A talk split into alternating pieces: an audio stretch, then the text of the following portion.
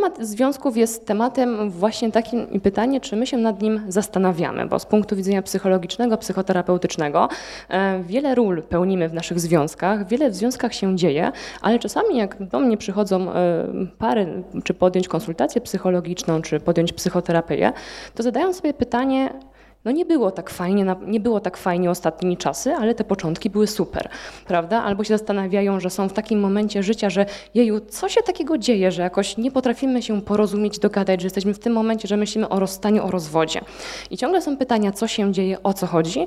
I dzisiaj Państwu chciałam właśnie dać taką refleksję, żeby się zastanowić nad tym, co oznacza być w związku, e, gdzie są te granice związku, tak? Co, co znaczy dla nas, jeżeli ktoś przekroczy te granice i po czym poznamy to przekroczenie.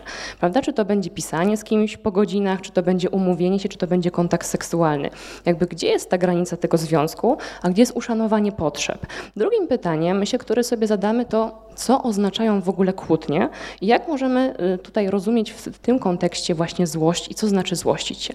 Więc zapraszam Państwa na krótką opowieść o tym, y, co może oznaczać złość w parze, jeżeli chodzi o kontakt psychoterapeutyczny i, i odpowiemy sobie na pytanie właśnie, dlaczego jest ważna i jak ją wykorzystać z korzyścią dla relacji. No bo gdybyśmy mieli się przez chwilkę zastanowić, prawda, y, jak to jest w tych związkach, to myślę, że śmiało sobie możemy wszyscy powiedzieć, że związki się zmieniają i my ludzie się zmieniamy. Nie? Chociażby pod tym kątem, że pewnie Państwa większość e, była w podstawówce. Nie? Podstawówka to jest takim czasem, że podchodzi na przykład Krzysiek do Kaśki i mówi ej, będziesz ze mną chodzić? Kaśka mówi tak jest w niebo wzięta, prawda? Państwo się uśmiechacie, więc rozumiem, że historia może być w jakiś sposób e, tożsama. No, jak były jakieś komersy czy ważne wydarzenia życiowe, no to Krzysiek mówi chodź Kaśka zatańczymy, prawda? Ręce wystawione, oboje tańczą i są zadowoleni. Tak? Temat Zielonej Szkoły był tematem, w którym e, Kaśka tam mrugnęła okien, zatańczyli na dyskotece, albo czasami się brało śluby, prawda? Pani wychowawczyni e, jako autorytet stawała i pytała się, czy będziecie mężem i żoną, tak? I cała klasa czekała pod automatem, żeby nie wylosować kauczuka czy kulki, ale żeby wylosować pierścionek, żeby móc jej dać, prawda? Czy różne inne sytuacje. E, no właśnie, ale temat podstawówki jest jednym tematem, no i chyba nie jest tak do końca, jak mamy 20, 30, 40 lat, że podchodzi taki Krzysiek i mówi, ej, będziesz ze mną chodzić, prawda? Państwo się uśmiechacie. No właśnie, o coś innego chodzi. I myślę, że tutaj ważnym czynnikiem jest ten czynnik psychologiczny. Co takiego się zmienia, e, że inaczej patrzymy na związki, a jak już się zmienia, to czego oczekujemy? Ale jedna, jedno jest pewne, że nasze relacje się zmieniają. Myślę sobie, że możemy zacząć od e, takiego e, mojego ulubionego pojęcia, że wiemy dobrze, że kwiaty mają korzenie i tego nie kwestionujemy. To jest ich system. Nie? Dla dziecka, czyli dla każdego z nas, kto był kiedyś młody, e, wiemy i możemy powiedzieć, że systemem są rodzice, czyli to, co oznacza związek i co, co oznaczają relacje, uczymy się tak naprawdę odkąd jesteśmy mali, obserwując, patrząc, testując, dowiadując się o co tutaj chodzi i co oznaczy, oznacza bycie w relacji, bycie w związku. To, drodzy Państwo, co wpływa na związek i relacje, e, to w pojęciu, w którym ja pracuję i się obracam, jest to pojęcie systemowe. E, I możemy powiedzieć, że każda rodzina, ma pewien swój system ról, pewien system, jak Państwo widzicie, zasad, swoje sposoby funkcjonowania, swoje sposoby komunikacji. Więc wiele czynników my jako ludzie bierzemy ze swojego domu do związków, tylko właśnie powstaje pytanie, czy my się nad tym zastanawiamy, co do tego plecaka przyszłego wspólnego związku, relacji e, bierzemy i czy się zastanawiamy, czy to nam służy, czy nie służy.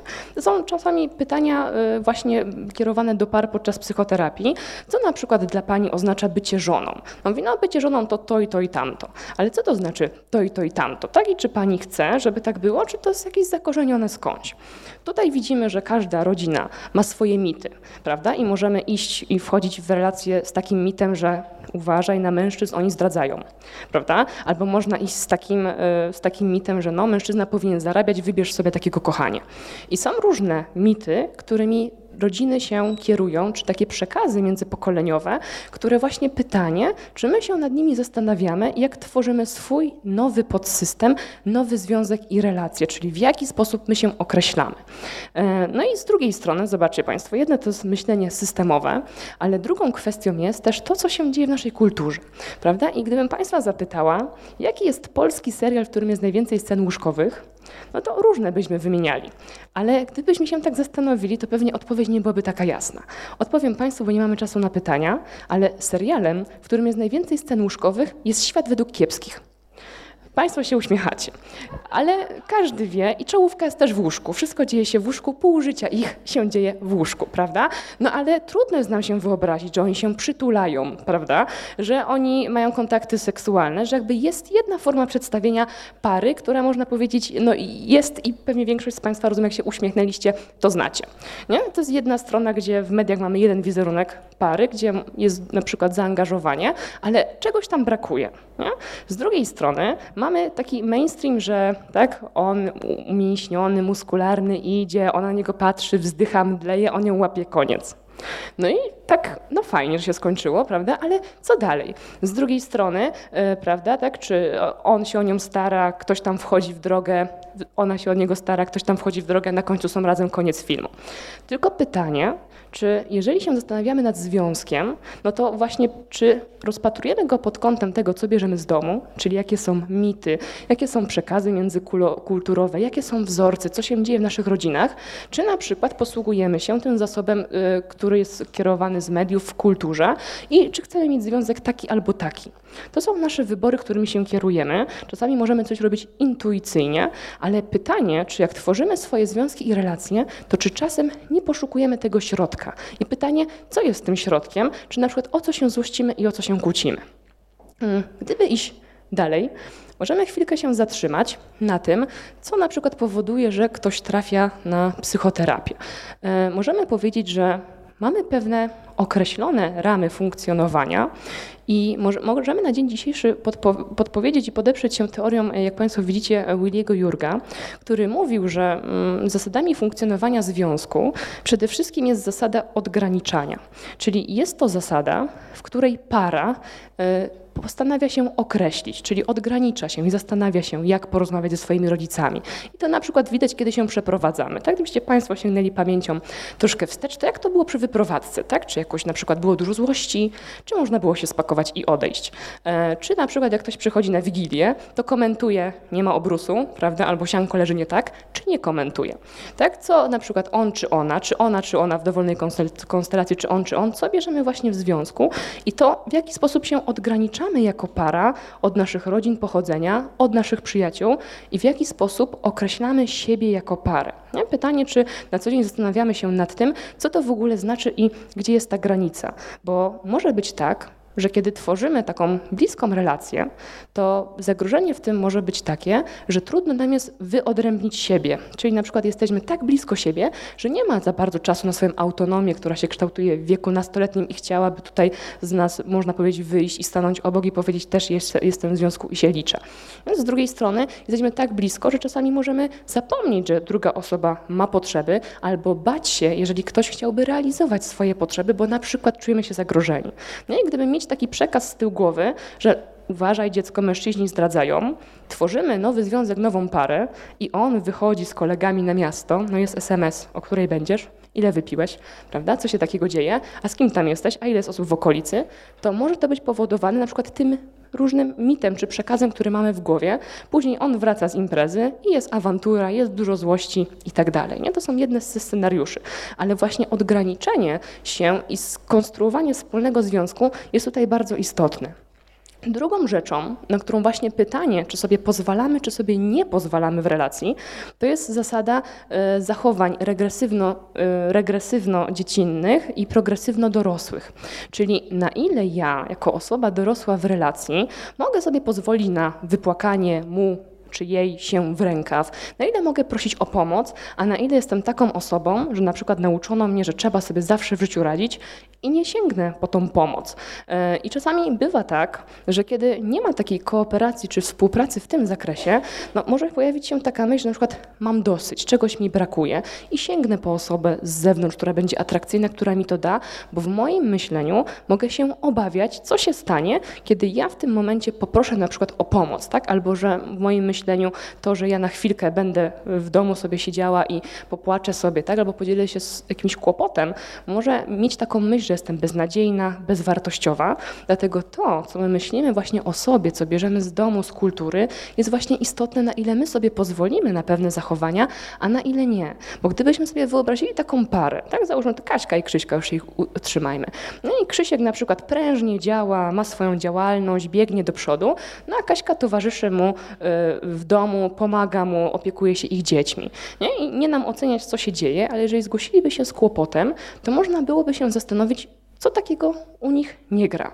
I kłótnie mogą być na przykład o władzę, mogą się złościć o bliskość, mogą się złościć o pełno różnych rzeczy, kiedy właśnie jest coś delikatnie w dysproporcji i drugiej stronie przeszkadza, a nie jest to omówione, co na przykład często dzieje się podczas psychoterapii.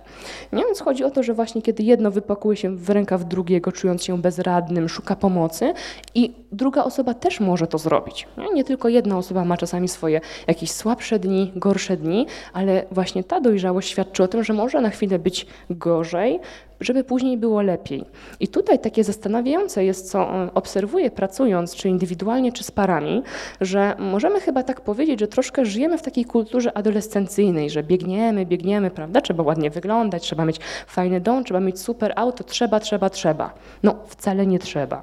Ale kiedy mamy takie troszkę narzucone to, że trzeba, trzeba i trzeba pędzić, no to jak tutaj na chwilkę być słabym, prawda? Zatrzymać się przez chwilę, skoro wydawałoby się, że to jest oznaka jakiś sposób słabości. Czasami niektórzy pacjenci mówią, że no ale proszę pani, ja jak usiądę na cały dzień, y, posiedzę sobie sama, to ja się czuję bezwartościowa. Tylko właśnie czemu chwila spokoju miałaby świadczyć o tym, że moja tożsamość w jakiś sposób tutaj cierpi czy odczuwa dyskomfort. No i to można powiedzieć uderza w moje takie podstawowe fundamenty. Więc pytanie też takie, czy da się na chwilę zatrzymać, odpocząć w takiej kulturze właśnie właśnie dosyć adolescencyjny, nie? że trzeba, trzeba, trzeba. Ale czasem warto się zastanowić, czy na pewno trzeba.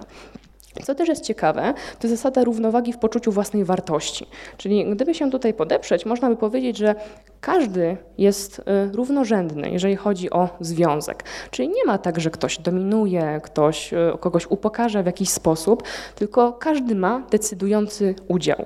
I można byłoby powiedzieć, no dobrze, ale skoro on pracuje, ona zajmuje się domem, no to chyba coś jest nie tak. Ale zawsze jest pytanie właśnie do pary, bo może być tak, że akurat ta kobieta pomaga mężowi w związku, w relacji, o ważnych rzeczach decydują wspólnie i mimo tego, że ona jest w domu, to czuje się ważna, czuje się, że wpływa na całe ich życie i razem kształtują swój związek. Nie?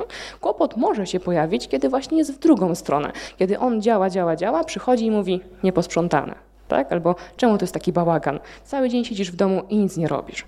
No i to już jest zupełnie inny rodzaj komunikacji. Więc zobaczcie Państwo, niby takie trzy zasady, prawda? Odgraniczenia, żeby można mieć chwilę słabości i chwilę dążenia do celu i taka równowaga, niby jest to proste, a jednak się kłócimy. Tylko właśnie o co, o co chodzi dalej? Hmm. Gdyby zastanowić się właśnie nad pewnymi kwestiami, to w podejściu systemowym mamy tego rodzaju mądrość, że system tworzą dwie osoby. No i jeżeli mówimy o odgraniczaniu, no to moglibyśmy się zastanowić jako para, jak my tworzymy naszą relację i co ona oznacza. No pytanie, czy jak zaczynamy związki, to czy zastanawiamy się, co dla nas znaczy w ogóle być w związku, albo co chcemy w tym związku osiągnąć, jaki chcemy, żeby ten związek był, czy mamy jakieś cele, jakiś plan, jakieś oczekiwania, czy niekoniecznie, prawda? Czy na przykład nie określamy się w związku i on czy ona bardzo dosadnie biorą pod uwagę zdanie swoich rodziców i później są kłótnie. Prawda? Ograniczenie się można by było złapać w takich komunikatach typu załóżmy, że mężczyzna to Krzysiek, kobieta to Kaśka. Mama dzwoni do Krzyśka i mówi słuchaj, zapraszam was na obiad. No i Krzysiek może mieć dwie opcje. Powiedzieć, tak przyjdziemy, nie ma sprawy, fajnie, że dzwonisz, bo nie mamy nic na niedzielę, prawda? Dopiero mieliśmy iść na zakupy. A drugą opcją mogłoby być, słuchaj, porozmawiam z Kaśką i dam ci znać. No, pytanie, czy to jest ten sam komunikat? Raczej bardzo różny, bo pierwszy komunikat świadczy o tym, że Krzysiek decyduje za Kaśkę i może spotkać się ze złością z jej strony i nie, nie złościłaby się ona o to, że on powiedział tak czy tak, ale o to, że właśnie nie uznał jej zdania. Druga rzecz, e, jeżeli on powie, mamo, porozmawiam z nią i zadzwonię, świadczy o tym, że w jakiś sposób uważa on Kaśkę za ważną osobę w swoim życiu, czyli decydują razem, bo są dla siebie ważnymi osobami i ich decyzja jest wspólną decyzją i dopiero oddają ten komunikat swojej rodzinie pochodzenia, czyli swoim rodzicom. I to są takie, można powiedzieć, niuanse, na których można się złapać, zastanowić, czy właśnie jak tworzymy relacje, to mamy z tyłu głowy, że ta druga osoba jest ważna i to pomaga nam się określić w związku, czy niekoniecznie i, rodzice są ważni i wszyscy są ważni. Nie? Może być też tak, że można przejść w drugie ekstremum, czyli można powiedzieć w coś takiego, taką sytuację, w której nie za bardzo, e, nie za bardzo mamy możliwość dogrania się razem i między partnerami tworzy się taka sztywna granica, nieprzekraczalna, ale najważniejsi są rodzice. I on się złości, no bo ona z tą swoją mamą, tak? Ona się złości, bo on do tej swojej mamy, a między nimi na przykład nie ma tego poczucia bliskości, które na przykład, o którym pragną, które chcą mieć, więc yy, o co mogą być najczęstsze konflikty. Na przykład, kiedy kobieta nie uzna w pełni swojej kobiecości i wchodzi w taką troszkę rolę generała, czyli ona chce dowodzić, chce we wszystkim podejmować decyzje, a na przykład druga strona ma w głowie inne wartości, ale nie ma dyskusji. To, co powie jest najważniejsze, koniec, kropka. Może być przyczyną takiego właśnie nieświadomego konfliktu, bo ja czasami się spotykam z tym, jak przychodzą pary i mówią, proszę pani, ale ja tego nie robię specjalnie. Tak? No i wierzę, bo nie zawsze komunikujemy się świadomie, ale mamy też ten poziom podświadomy i nieświadomy, czyli to, jak inni nas opisują, e, a my nie do końca możemy to dostrzegać. I to się czasami dzieje właśnie między wierszami i może złościć, może powodować frustrację. E, kiedy mężczyzna nie przejmie właśnie jakby w pełni swojej męskości, na przykład pozostawi kobiecie wychowywanie dzieci, e, no i będzie wydawał komendy, czyli ta relacja będzie skośna, tak? Idź, zrób, pozamiataj, posprzątaj.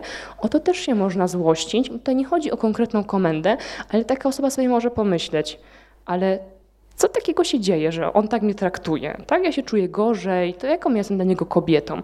I taki komunikat może uruchomić szereg różnych myśli.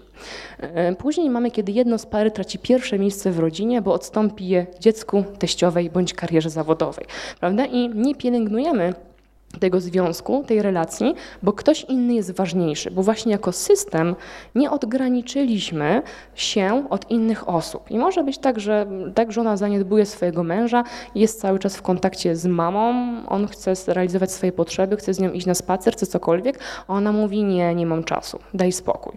No i na dłuższą metę, tak, kilka miesięcy może można wytrzymać, ale pytanie, czy kilka lat, kilkanaście, kilkadziesiąt. Nie, to są takie rzeczy, które się dzieją właśnie czasami między wierszami.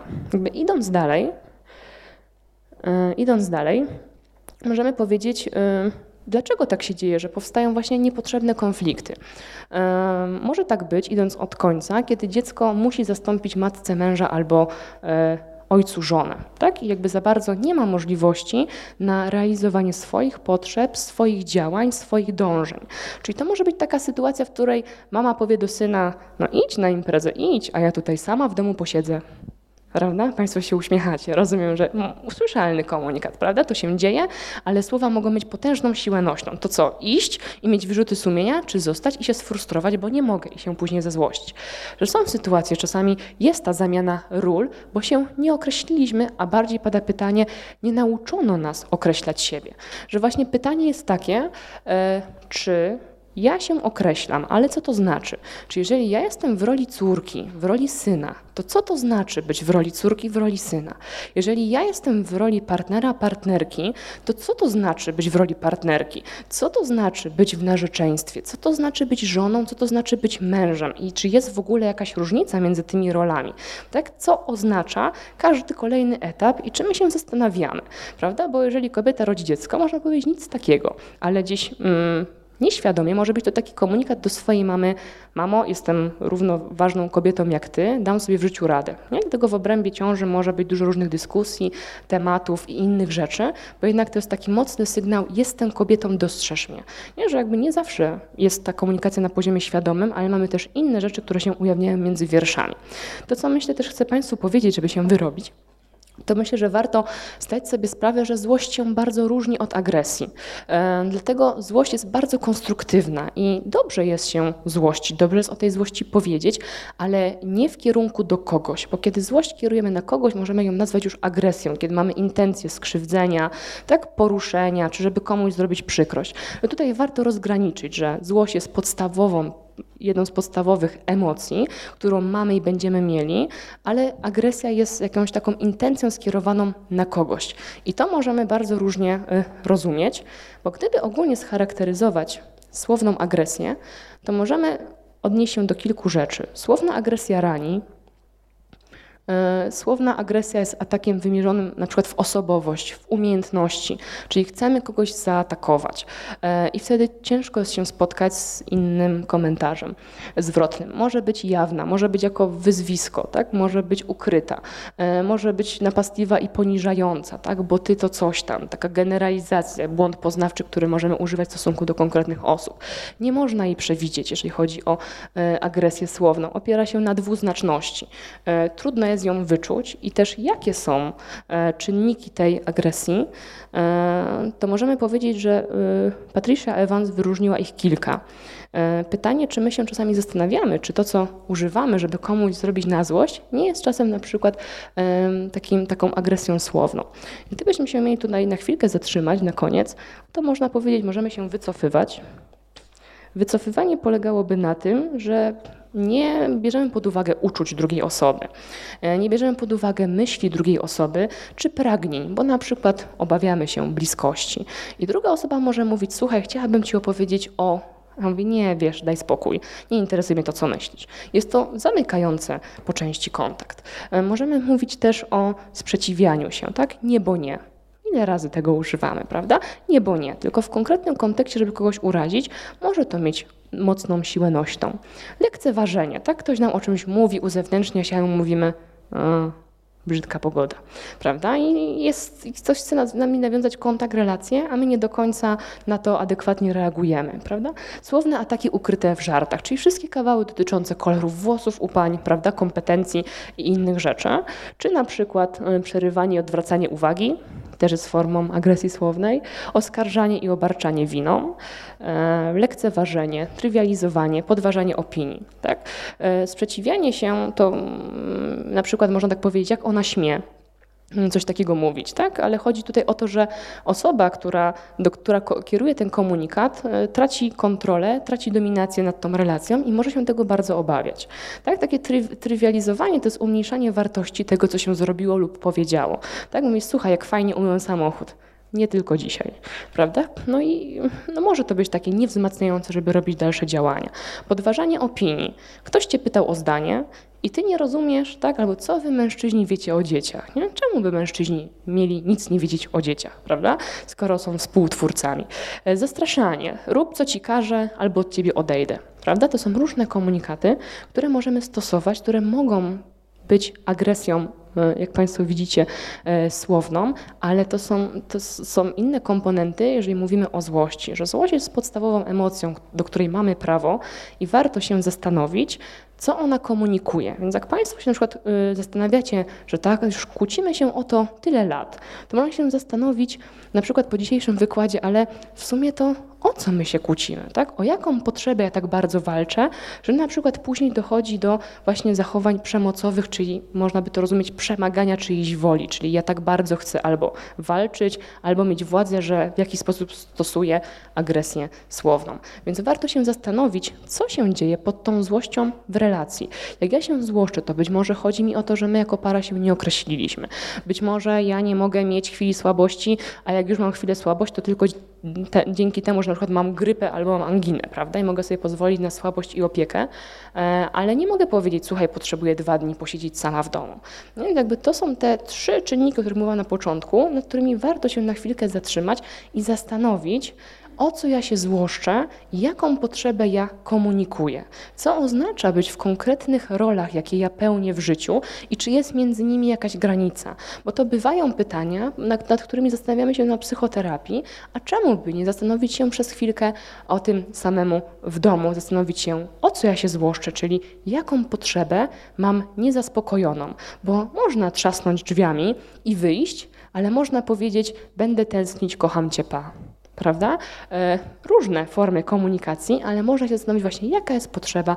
E, I tego Państwu życzę jako psychoterapeutka, żebyście próbowali zobaczyć sobie, potrzeby pod swoimi emocjami, czyli co, co ja się złoszczę, co się w ogóle takiego dzieje, o co mi chodzi, bo być może jest za tym jakaś potrzeba, która jest schowana, o której nie wiemy i czasami warto się przed chwilkę zastanowić, chyba niż kłócić kolejny raz o to samo. Więc tego Państwu życzę. Dziękuję serdecznie za e, uwagę, obecność. Miłego wieczoru Państwu życzę.